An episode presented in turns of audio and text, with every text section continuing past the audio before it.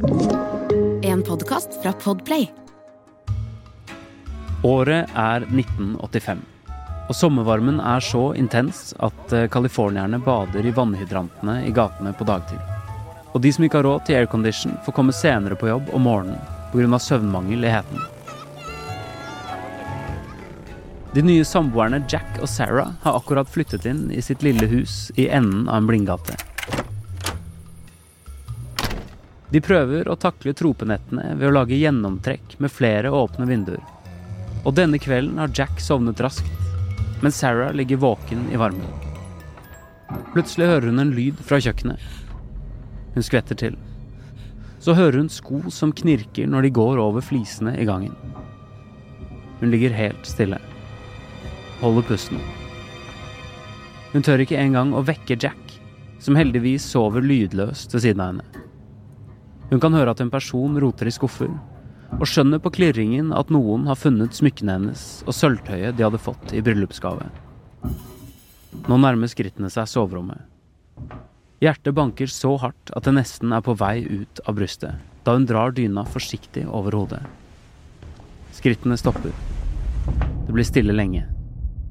Det virker som en evighet, men trolig var det maks et minutt, siden hun klarte å holde pusten hele tiden. Det hun er aller mest redd for, er at det skal være han fyren som mediene har skrevet om de siste månedene, som de kaller The Night Stalker. Plutselig hører hun skritt igjen, og denne gangen er de på vei vekk fra soverommet, og hun hører til slutt at utgangsdøra åpnes og lukkes, og så er det helt tyst igjen. Nå vekker hun endelig Jack og bryter totalt sammen. De ble enige om å gå til politiet sammen neste dag. Men idet de våkner neste morgen, hører de politisirener og ser at nabohuset er omringet av blålys. The Night Stalker hadde slått til igjen.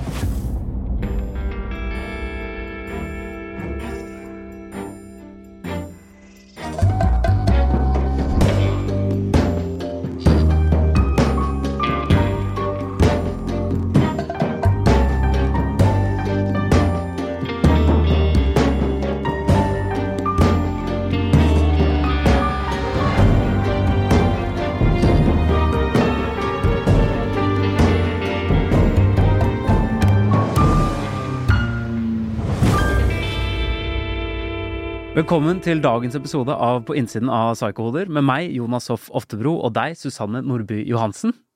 Hei, Jonas. Hei, du er jo nevropsykolog og spesialist i voksenpsykologi og jobber som rettspsykolog.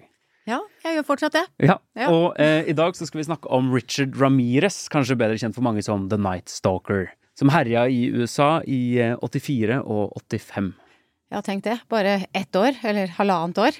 Altså, dette er en av de verste sakene vi kommer til å prate om, tror jeg. Det tror jeg òg, for her er det mye greier.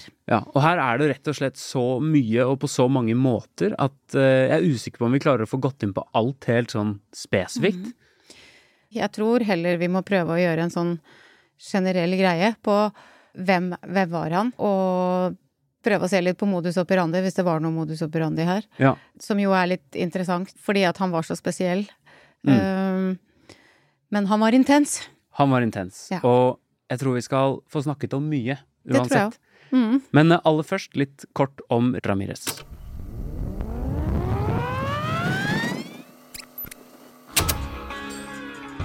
Ricardo Richard Ramirez ble født i 1960 i Texas, USA. Han vokste opp med to arbeidende foreldre som lot søskenflokken være mye alene, innimellom med barnevakt. Som toåring og femåring hadde han to fallulykker hvor han skadet hodet kraftig, og som førte til at han fikk epilepsianfall på barne- og ungdomsskolen. Faren var en krevende og voldelig type, og allerede som tiåring begynte Richard å ruse seg. Ofte satt han alene på kirkegården og røyket og drakk. Da Richard var tolv år, ble han vitne til at fetteren drepte kona si i en krangel, og denne opplevelsen skal ha preget ham mye. Det hjalp heller ikke at mannen til søsteren hans tok ham med på kikketurer hvor de spionerte på kvinner gjennom vinduer. Richard droppet ut av videregående, og etter hvert flyttet han til California, hvor han levde et nomadeliv preget av narkotika. Han kjørte mye rundt i stjålne biler og begikk innbrudd for å få penger til dop. I løpet av 1985 tok Ramires livet av 13 mennesker og skapte frykt og en politijakt nesten uten sidestykke i californisk historie. Politiet klarte til slutt å løse saken, og etterlyste Ramires gjennom nyhetene. Dette førte til at han ble tatt av sivile på gaten som banket ham sønder og sammen før politiet fikk arrestert ham. I september 1989 ble han dømt til dødsstraff for 13 drap, 5 forsøk på drap, 11 seksuelle forbrytelser og 14 innbrudd. Hans kommentar til pressen etter dommen var Big deal. Death always went with the territory. See you in Disneyland. Under fengselstiden ble han gift, skilt og forlovet, før han døde av kreft som 53-åring før dødsstraffen ble gjennomført. Da hadde DNA-bevis også knyttet ham til et nytt drap på en ni år gammel jente i 1984. Trolig Ramires første mord.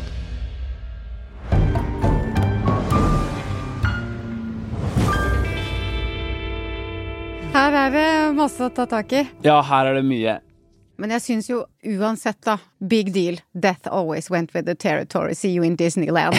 Den skal vi ta litt igjen når vi begynner å nærme oss slutten på episoden. Disneyland. Eh, det er en fantastisk eh, kommentar. Ja. Ja. Vi må nesten begynne med, med barndommen hans, som vi pleier. Han har jo et eh, forhold til faren sin som syns jeg Nå er vi Er dette 13 episoder inn? Ja, noe sånt? Mhm. Begynner å utprege seg som svært dominerende. Det er fedre som drikker og er voldelige. Ja. Og det har han. Han har en far som drikker og er voldelig, mm. som gjør at eh, Richard også ikke er så mye hjemme. Og som får følgefeil for han senere i livet. Mm. Men han hadde også en periode hvor han fikk tilbake pappaen sin eh, i livet sitt. Og det var etter at han begynte å spille fotball. Da kom faren på banen og så på eh, alle fotballkampene hans, og så endelig at kanskje sønnen kunne eh, bli noe allikevel. Ja. Så han var på god vei til å få et godt forhold til faren sin. Men så eh, skjedde det noe eh, på fotballbanen eh, som gjorde at eh, han ble kasta ut av fotballaget. ja, hva da? Eh, Du snakka jo om at eh, helt i starten her så fortalte du at han hadde skada hodet sitt to ganger. Og at han fikk en epilepsidiagnose. Mm. Han fikk et uh, grand mal-anfall på fotballbanen. Eh, Grand mal, for oss ja, som ikke vet er det et det er. svært alvorlig epilepsianfall, Ja. hvor hele hjernen er affisert, altså at du har elektrisk stimulering som går amok i hele hjernen din. Da fikk han ikke lov av fotballcoachen å spille fotball lenger. Og for meg så er det litt vendepunktet. Han hadde litt brokete start, Ja. og vi skal snakke mer om den brokete starten, men akkurat den episoden der er nok vendepunktet som gjorde at eh, dette går ikke allikevel. liksom. Ja, da var den stien som kunne gått en annen vei, borte. Det var han. Men vi må også snakke om det med hodeskader. Mm. Eh, vi nevnte jo her at eh, han hadde to hodeskader. Han fikk et stativ i hodet på et tidspunkt, og så fikk han en huske i hodet senere. Men i researchen til denne episoden så har jeg funnet ut at hodeskader det er ganske vanlig for seriemordere. Vet du noe om hvorfor det? De kartlegger jo alltid eh, om det har skjedd noe med deg, sånn når de gjør en sånn rettspsykiatrisk vurdering, for eksempel. Fordi Ja. at hvis du har en eh, skade i hjernen din, da, så kan jo den være med å forklare hvorfor eh, du eventuelt gjør og handler på den måten du gjør. Ja. Og de har funnet eh, ut at mange av disse som har utført eh, kriminelle handlinger, kan ha noen strukturer i hjernen som er utvikla på en eh, litt dårligere måte. Ja. Det mangler litt volum, ergo når det mangler volum, så har vi ikke mange nok kontaktpunkter i hjernen vår. Nei. Så da er det litt dårligere kontakt, da, for å si det på en enkel måte. Ja. Og kanskje at det området da fungerer litt dårligere, sånn som eksempel frontallappene, som skal styre impulsene våre. Ja. Men så kan du jo få en skade. En del av disse som gjør en del kriminelle handlinger, de er litt impulsive fra naturens side. Kanskje har de litt grann eh, ADHD, impulsiv, hyperaktiv type, Ja. som gjør at de er sensation seeking, som det heter, og kommer opp i situasjoner hvor de skader hodet sitt. Ja. Eh, Så det er på en måte fellesnevneren. Eh, Og så er det jo hvordan dette hodet har fungert før eller etter den eventuelle kriminelle løpebanen, da. Og det er vel ikke så lett å si. For Nei. jeg har ikke testa dem før den kriminelle løpebanen. Så, så høna og egget i den sammenhengen her, det er akkurat det samme som ved uh, schizofrenidiagnose. Ja. Så har de jo på gruppenivå funnet at noen har mindre volum på deler av hjernen, overgangen i hjernen, men de vet ikke om det har vært sånn fra før. Nei, eller om det er Eller om det har blitt sånn at de har utvikla schizofreni, eller at de har fått medisiner som har gjort at medisinen har påvirka hjernen. Det er også en teori, da. Ja. Fordi de har jo ikke noe bilde av denne hjernen før etterpå. Så å si helt 100% sikkert at dette her Altså at alle de har en hjerneskade, det kan du ikke gjøre. Nei, jeg skjønner. Nei. Nei, det, Men det er mange som har avvik i hjernen sin som eh, de finner noen likhetstrekk med, særlig frontallappen. Ja, for jeg husker et interessant study fra psykologien, bare Mm. veldig kort, om en mann som får en jernstang gjennom en del av frontallappen, Mm. og som totalt endrer personlighet, og ender opp med å skyte masse mennesker fra et klokketårn eller noe sånt. Mm. Ja.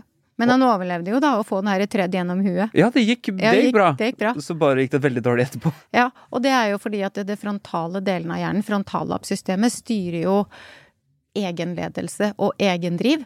Ja. Uh, og det styrer planlegging, organisering og strukturering av atferden din og det mentale. Uh, og skader i frontale hjernen gjør at du forandrer personlighet.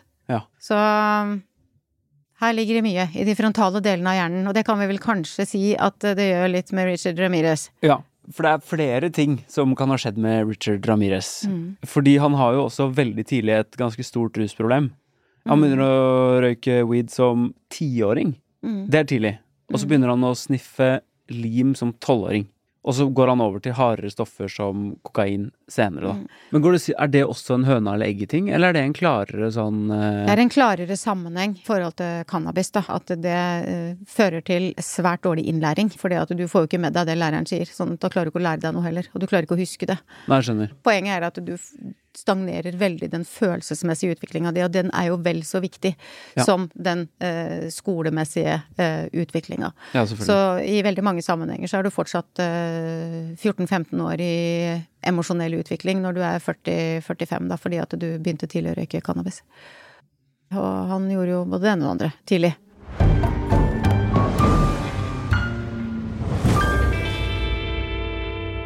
Et annet uheldig element i livet til Richard Ramirez er eh, menneskene han har rundt seg. Mm. Han har særlig en fetter som kom hjem fra Vietnam, og som har gjort helt grusomme ting der borte, og som har tatt bilder av det, som han viser til Richard. Han var jo helt ekstrem. Han, han, var jo, han hadde jo hedersmedaljer Ja. fra Vietnam. Og, og derfor så kom han jo på en måte litt inn i varmen til familien igjen, for han hadde også vært en periode ute. Ja. Men etter Vietnam så kom han inn igjen fordi han hadde fått heltestatus og fikk sånn pensjon. Og så viser han jo da baksiden Ja. til Richard. Og det er ganske fæle ting. Altså, han, har, han står med avkuttede hoder og Og han, eh, fetteren, han, eh, han tørka disse hodene eh, på de han eh, voldtok og drepte. Ja. Og det er jo folk som mener at det er her Richard Ramirez også begynner å koble sex og vold for alvor, da. Mm. Og det er jo også gjennom fetteren han ser sitt første drap. Ja, for fetteren skyter jo kona si foran Richard. Og alt dette er jo før han er 15 år. Ja, og så Det må også sies at eh, kjæresten til søsteren er en peeping Tom som liker å ta med Richard i bilen og liksom titte på folk som skifter, og der blir han fetteren også gjerne med, da. Dette er jo usunne forhold. Det er veldig, det er veldig usunn forhold, og uh, han lærer jo uh, veldig fort hva slags eh, liv han skal ha. Ja. Og hvis vi kommer tilbake til dette med den hjerneskaden, da, eh, og at han hadde en temporallapsepilepsi og kanskje skader i det frontale delen av hjernen sin, så er han lett å lede, Ja. og han lærer godt via det han ser. Så han har gode modeller, og han tar etter de. For hvis du ser på hvordan han dreper, og hvordan han voldtar, og hvordan han gjør innbrudd, så er det ting han har lært Ja, av ja. alle disse eh, i omgivelsene sine. Familien hans også elsker å gå på jakt. Eh, Så veldig tidlig så lærer han seg jo til å drepe og skade dyr, og det vet vi jo fra tidligere episoder at eh, er typisk for eh, seriemordere. Men han har en ting som skiller seg ganske markant fra resten av familien. Han begynner å jakte alene, uten skytevåpen, eh, og det han liker aller best, er å liste seg tett oppå byttene sine for å kunne drepe dem med kniv. Mm. Noe av det som kjennetegner han som på en måte morder senere, er nettopp det å snike seg innpå byttet når de er mest sårbare. Eh, han snudde alltid de som han eh, voldtok eller eh, skulle drepe, sånn at de så han. At han kunne se de i øynene. For det går tilbake til det du sier nå. For han sa 'jeg liker å se det redde ansiktet ditt og se frykt'. Derfor ville han ha den konfrontasjonen, fordi at det ga han nytelse. Det gjorde jo den eh, handlinga med disse dyra på Ja, den ja, tida ja. også. Ja. Eh, for hvis du ser i øynene til dyr, så kan du se ganske mye. Så det, det fortsatte han med. Ja, det er fryktelige greier, ass. Ja, han var ikke veldig ålreit. Nei. Og han begynner jo eh, Han får seg også jobb på et hotell, og begynner jo å liksom bryte seg inn hos gjester og rane dem. Også for å opprettholde denne dopvanen sin, ikke sant. Så det, det blir en ond sirkel, hele greia. Mm. Han må bryte seg inn for å få penger til narkotika, og så begynner han å voldta, og så Det er en Mm. snøball som på en måte, når den først begynner å rulle, så blir den bare større og større og større. Eh, og da må vi også si at det første mordet hans, det er jo på en ni år gammel jente på et eh, hotell i nærheten, i kjelleren på et hotell i nærheten. Og det går liksom så fra null til hundre med han. Mm. Han har liksom der... Han har ikke den derre vanlige bygge seg opp, eller det vi vet, da. Ja, det vi I vet, fall. ja, det må sies. For det kan jo godt hende at det ligger en god del i bakgrunnen her som ikke er kommet fram. Det er nesten litt sånn fra en dag til en annen, så, er, så gjør han alt det Ja. grusomme på en gang med henne.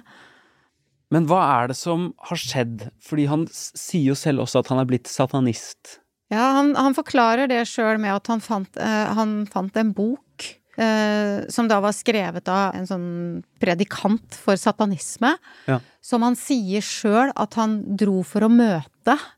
Og der, der fikk han, via den boka og de samtalene han hadde med denne satanistpresten, da, hvis, hvis det er det vi skal kalle de, Ja. så, så lærte han jo at det er ingenting som heter skyld og ingenting som heter skam, så du kan jo gjøre hva du vil.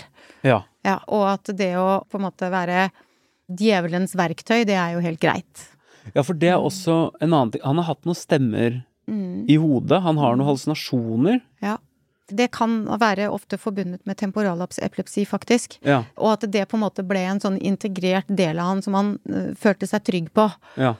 Og så skjedde det noe på et tidspunkt som gjorde at disse forandra seg.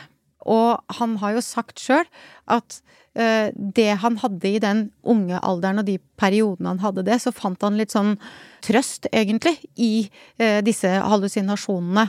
Og henger det sammen med satanisme? For de blir slemme, ikke sant? Ja, De blir ondskapsfulle og ber han gjøre forferdelige ting. ja, dette er helt klassisk paranoid schizofreni. Fordi i utgangspunktet, altså hvis man, hvis man leser om hallusinasjoner, da, både det du ser og det du hører, det visuelle og auditive, Ja. så er de ofte veldig snille. De støtter deg, er, er veldig med deg, og så skjer det ofte av en eller annen grunn som vi egentlig ikke vet, så snur de, og så Oi. blir de ondskapen selv. Oi, wow, Ja, det er spennende. og da tror jeg han kobla det inn i satanisme. Ja. For da kan vi jo snakke litt om modus operandi og måten han gjør dette på. Fordi det er liksom ikke noe system hos Richard Ramires annet enn at det er om natten, og det er jævlig voldelig. Ja. Og han stjeler, da. Ja. Men det er liksom de Og det har nesten ikke noe å si for han om det er med hammer, eller skyting, eller voldtekter, eller macheter, altså Alt hva du kan tenke deg. Han brukte det han hadde tilgjengelig, stort sett, for å drepe, så lenge han så de i øynene når han drepte de. Men hva er dette? Er dette liksom impulsivitet, Mm. eller? Den voldeligheten hans, da, den er jo delvis sånn seksuelt drevet, men det er Ja. ikke det som går igjen veldig. Det er mer det at han uh, får nytelse av å se andre være redd. Ja. Det, selv om han voldtar, så, så er det lite som vi får på Richard Ramirez som på en måte handler om at dette her er eh, en seksuell sadist, da, som vi snakka om med, med Antonsen. Nei. Han er rett og slett bare impulsivt drevet, og så gjør han akkurat det han har eh, der og da. Så, så å finne noe modus operandi, som du sier, er jo nesten umulig. Det eneste er at det er en del barn som han da voldtar, men som han faktisk slipper fri, som han ikke dreper. Ja. Med unntak av den første eh, i 84, som han jo faktisk ble tatt for litt seinere. Ja. Som ikke er en del av det han ble dømt for. Så, så, så det virker jo som han har en eller annen beskyttelsesgreie for barn. At Ja. ikke han dreper, men han voldtar jo, det er jo ikke beskyttelse, det altså. Eh, men det er de voksne han, eh, han maltrakterer og skriver satanisttegn på, på veggen og på kroppen og Ja, for det, dette med satanisme og sinnslidelse Jeg syns det er bitte litt vanskelig å vite hva man på en måte kan eh, godta som på en måte tro, og hva som er på en måte sinnssykdom. Men det er jo et tilfelle hvor han prøver å kvele en jente med en ledning. Mm. og så begynner det å slå gnister fra den ledningen, og da blir han helt overbevist om at det er Jesus som har kommet inn og reddet denne jenta, Mm. fordi han er liksom høyrehånden til Satan, og de Mm. kjemper mot hverandre. Da må du være litt Ja, men jeg tror, jo, jeg tror jo Han var jo egentlig vokst opp i et katolsk hjem. Ja. Og et veldig eh, religiøst katolsk hjem. Så han har jo med seg utrolig mye fra religionen, altså kristendommen, Ja. fra oppveksten sin. Og det var også det han hadde av nært forhold til mammaen sin. Det var at han var i kirken sammen med mammaen sin. Ja. Det er ofte sånn Mm. at de tinga som vi erfarer i barndommen For de som utvikler en schizofreni, så tar vi med oss ting som vi har vært for eksempel redd for. Og hvis det er noe som kirken forfekter som du skal være redd for, så er det jo Satan. Ja. Og hvis du da tenker litt lenger, så er det kanskje det som skjer med Richard, og innholdet i de psykotiske opplevelsene han har. Det handler om Satan, som jeg da kanskje er, ser på som en helt naturlig del av en schizofreniutvikling. Som følge av den oppveksten han hadde med det nære forholdet til katolisismen. Ja, skjønner. Mm.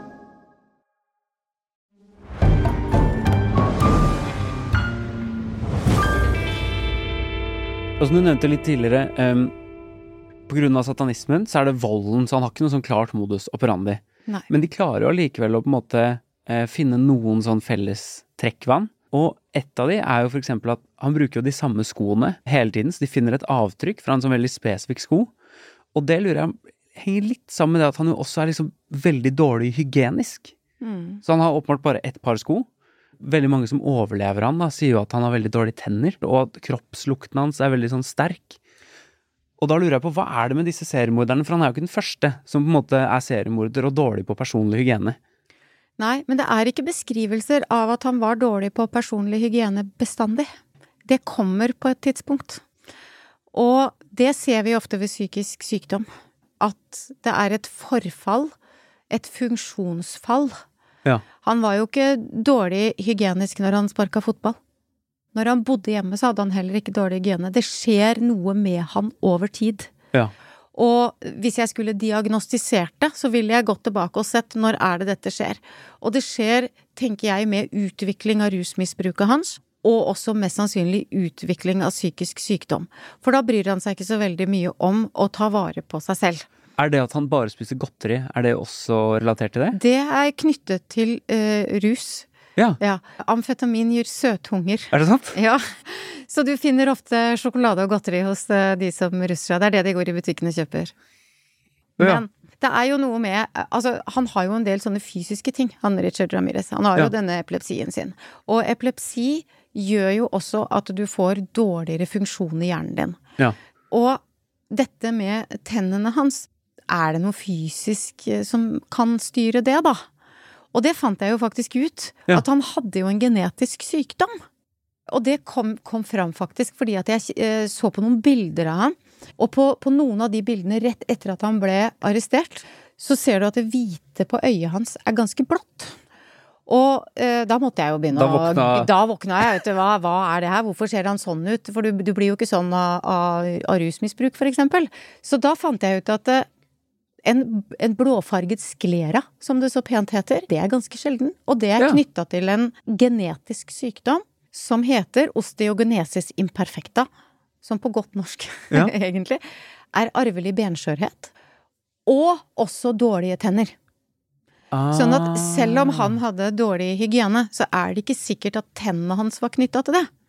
Det kunne også være den genetiske sykdommen. Ja. Og hvis du ser veldig, veldig nøye på ansiktet til Richard Ramirez Han er jo en vanvittig vakker mann. Ja. Han, er, han, har, han har veldig han er- pene trekk i, i utgangspunktet. Pen, gutt. Han har litt sånn modellansikt. Han er veldig, Veldig sånn mager og store Ja. øyne og Ja.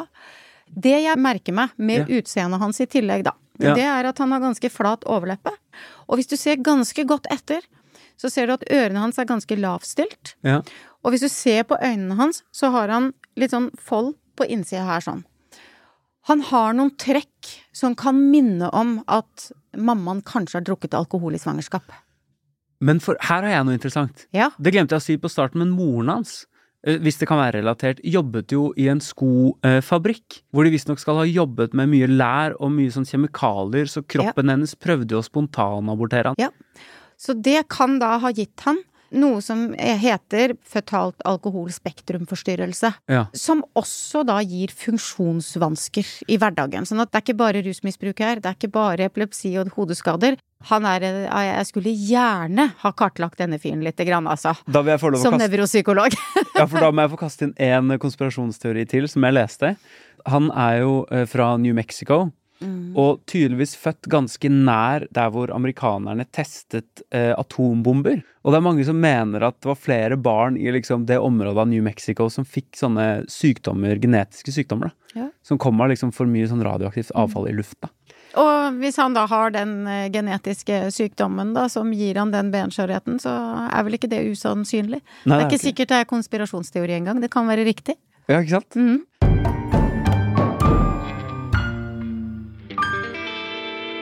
Ok, vi må komme oss litt inn på sånn hvordan han blir tatt, og hva som skjer liksom mer mot slutten. Jeg syns det er påfallende at han begynner å kjøre rundt i biler han har stjålet. Fordi etter hvert som The Night Stalker blir ganske stor i media, så blir Richard Ramirez også bevisst på sitt eget image som The Night Stalker, og sier jo til offeret Si til politiet at The Night Stalker har vært her, og de aldri kommer til å finne han og sånne ting, ikke sant? Han blir sånn høy på seg selv. Han gjør jo det. Og han trengte jo også oppmerksomhet, han. Som eh, alle andre. Han fikk jo ikke så mye oppmerksomhet når han var barn. Han ble jo plassert hos en barnevakt. Mammaen og pappaen hans var jo ikke så veldig mye til stede for han. Vi har jo snakka en del om det. Hva skjer med deg hvis du ikke har den der trygge plattformen å, å utvikle deg på, så higer du etter oppmerksomhet. Ja. Um, og blir jo veldig høy på deg sjøl. Og i tillegg da så med Sånn som jeg tenker Han fikk jo faktisk aldri en schizofrenidiagnose, da. Han gjorde jo ikke det. Nei. Han ble jo kjent eh, tilregnelig. Ja. Men han ville jo eh, fylle en del av de andre kriteriene på eh, å være høy på seg sjæl. Altså Ja. see you in Disneyland, liksom. Ja, ja. Er ganske høy på seg sjøl, det. Og også da han sier at eh, it goes with the territory, så har han jo en tanke om at hei, jeg har gjort det her, ergo death penalty. Det er jo det som kommer ut av det her. Ja, fordi han nektet jo uh, å pleade insanity. Han ba om å få dødsstraff, og han var helt sikker på at det kom til å gå bra, fordi Satan kom til å beskytte ham. Det gjorde jo ikke det. Men det er jo litt sånn, føler jeg, i USA på den tiden der at um, du kan nesten ikke ha gjort så fæle ting som han har gjort, og så få en insanity plea. Jeg tror ikke de ville tort å gjøre noe annet, jeg. Og si Nei. at eh, du, du må bare dømmes til, eh, til døden. I dag vi ville man kanskje dømmer- altså, jo, de dømmer jo til døden noen steder i USA, men vi vil jo aldri gjøre det her hjemme. Nei. Men vi dømmer de jo til forvaring, hvis de gjør en del sånne ting. Ja. Nå er vi jo så kall det heldig at vi ikke har eh, såpass, eh, i hvert fall, ikke som vi vet om.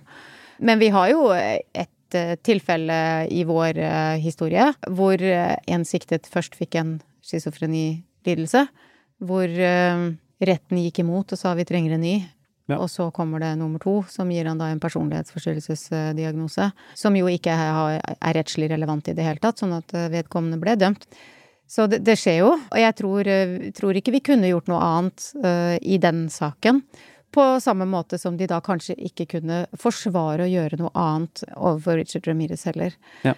Um, han hadde jo gjort så utrolig mye eh, spesielle ting, og han oppførte seg jo det, Altså, det, det showet han hadde i retten, Mm. det var jo eh, omtrent like bra som John Wayne Gacy, som vi snakka om litt eh, tidligere.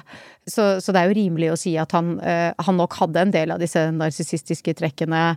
Og han elska jo all den oppmerksomheten han fikk i retten. Ja. Han flørta jo, han snudde seg, kikka på alle damene og blunka og Og sa dette er bare tull. dette er bare tull og Flere av de vi har snakka om, har jo hatt show i retten. Ja. Mens han har jo hatt et show som på en måte ikke har gitt han noe positivt, egentlig. Mm. Mens uh, Ted Bundy hadde jo kanskje noe som ga han uh, noe positivt, fordi at han var litt smart. Ja. Uh, sammen med John Wayne Gacy.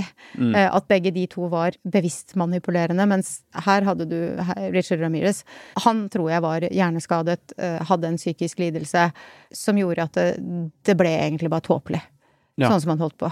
Ja, han er jo en slags blanding av John Wayne Gacy og Son of Sam, på en eller annen måte. Et eller annet i midten der. I midten der, Ja. Herregud, fæl cocktail. Ja, grusom cocktail. Og vi, vi har jo egentlig ikke gått helt i, i, i dybden på hva han egentlig har gjort, men det er jo fordi at det, det Det er så fælt. Det er ganske grusomt, de tinga han har uh, drevet med. Ja, og det er godt dokumentert, altså. Så hvis man vil eh, oppsøke det, så kan man det. Det ligger flere dokumentarer eh, om han ute. Det er bare å søke The Night Stalker på Netflix, for eksempel. Um, og så må vi jo si at han ble dømt til dødsstraff, mm. men han døde ikke av det. Han satt 20 år i fengsel, og så døde han av kreft. En annen ting som er interessant, kanskje ikke så overraskende, men litt typisk for kjekke seriemordere, er jo at de blir fridd til og gifter seg mens de sitter i fengsel. Det gjør jo han òg. Til en dame som for øvrig blir fryst ut av hele familien sin, gjort arveløs og som mister jobben sin. Eh, fælt, men litt fortjent. ikke fortjent. Du må forvente litt reaksjoner fra familien din hvis du blir sammen med Richard Ramirez. Ja, ja. Det, det, er jo vanskelig å forstå. Han er fæl ut i en annen dimensjon, på en måte. Nei, vi må Det er ikke alle ting vi klarer å forklare helt ordentlig. Eh, og alle ting vi klarer helt å forstå, kanskje. Nei, det er ikke det. Vi skal oppsummere Richard Ramirez.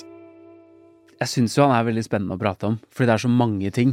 Eh, mm. Det er et slags sånn sammensurium av alt som kan gå gærent, på en måte, som sammen blir til en sånn mm. kjempeforferdelig miks. Og jeg kjenner at det er mye fag her. Ja, det at det er masse nevropsykologi, og det er masse psykiatri, så, som jo gjør at jeg tenker at det, eh, han fikk jo egentlig ikke noe rettferdig uh, rettssak. Så uh, han her syns jeg er spennende, selv om han er forferdelig grusom å tenke på hva alt det fæle han har gjort, da. Hva er det det går an å kjenne seg igjen i, Richard Ramirez? Ja, han vil vi jo ikke kjenne oss igjen i. Nei, vi vil jo, det vil vi jo aldri.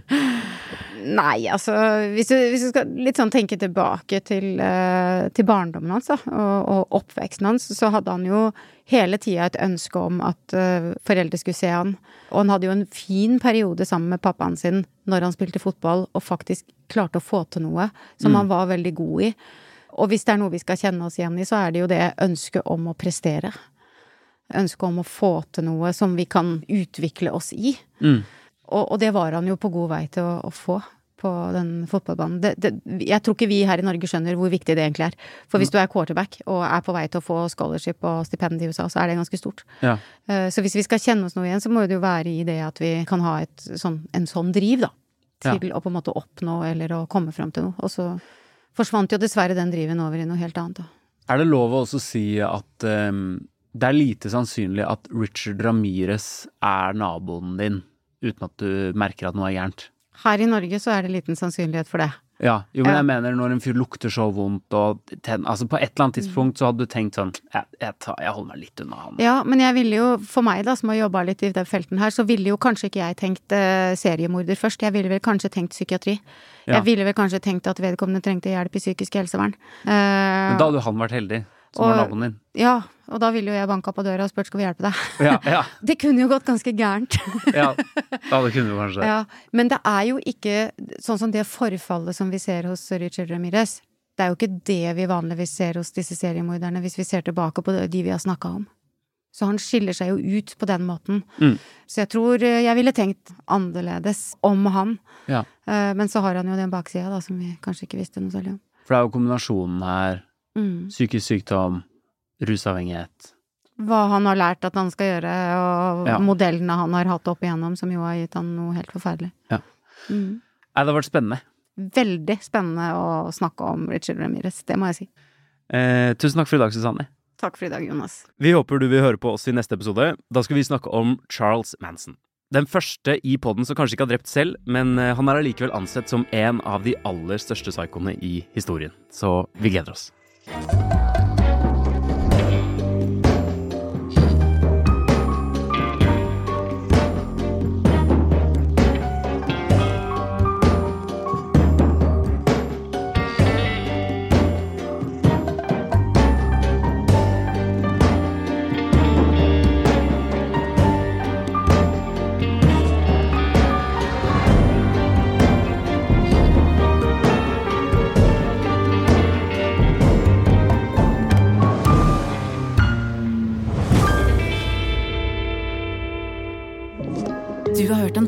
fra Podplay.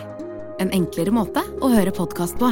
Last ned appen Podplay, eller se podplay.no.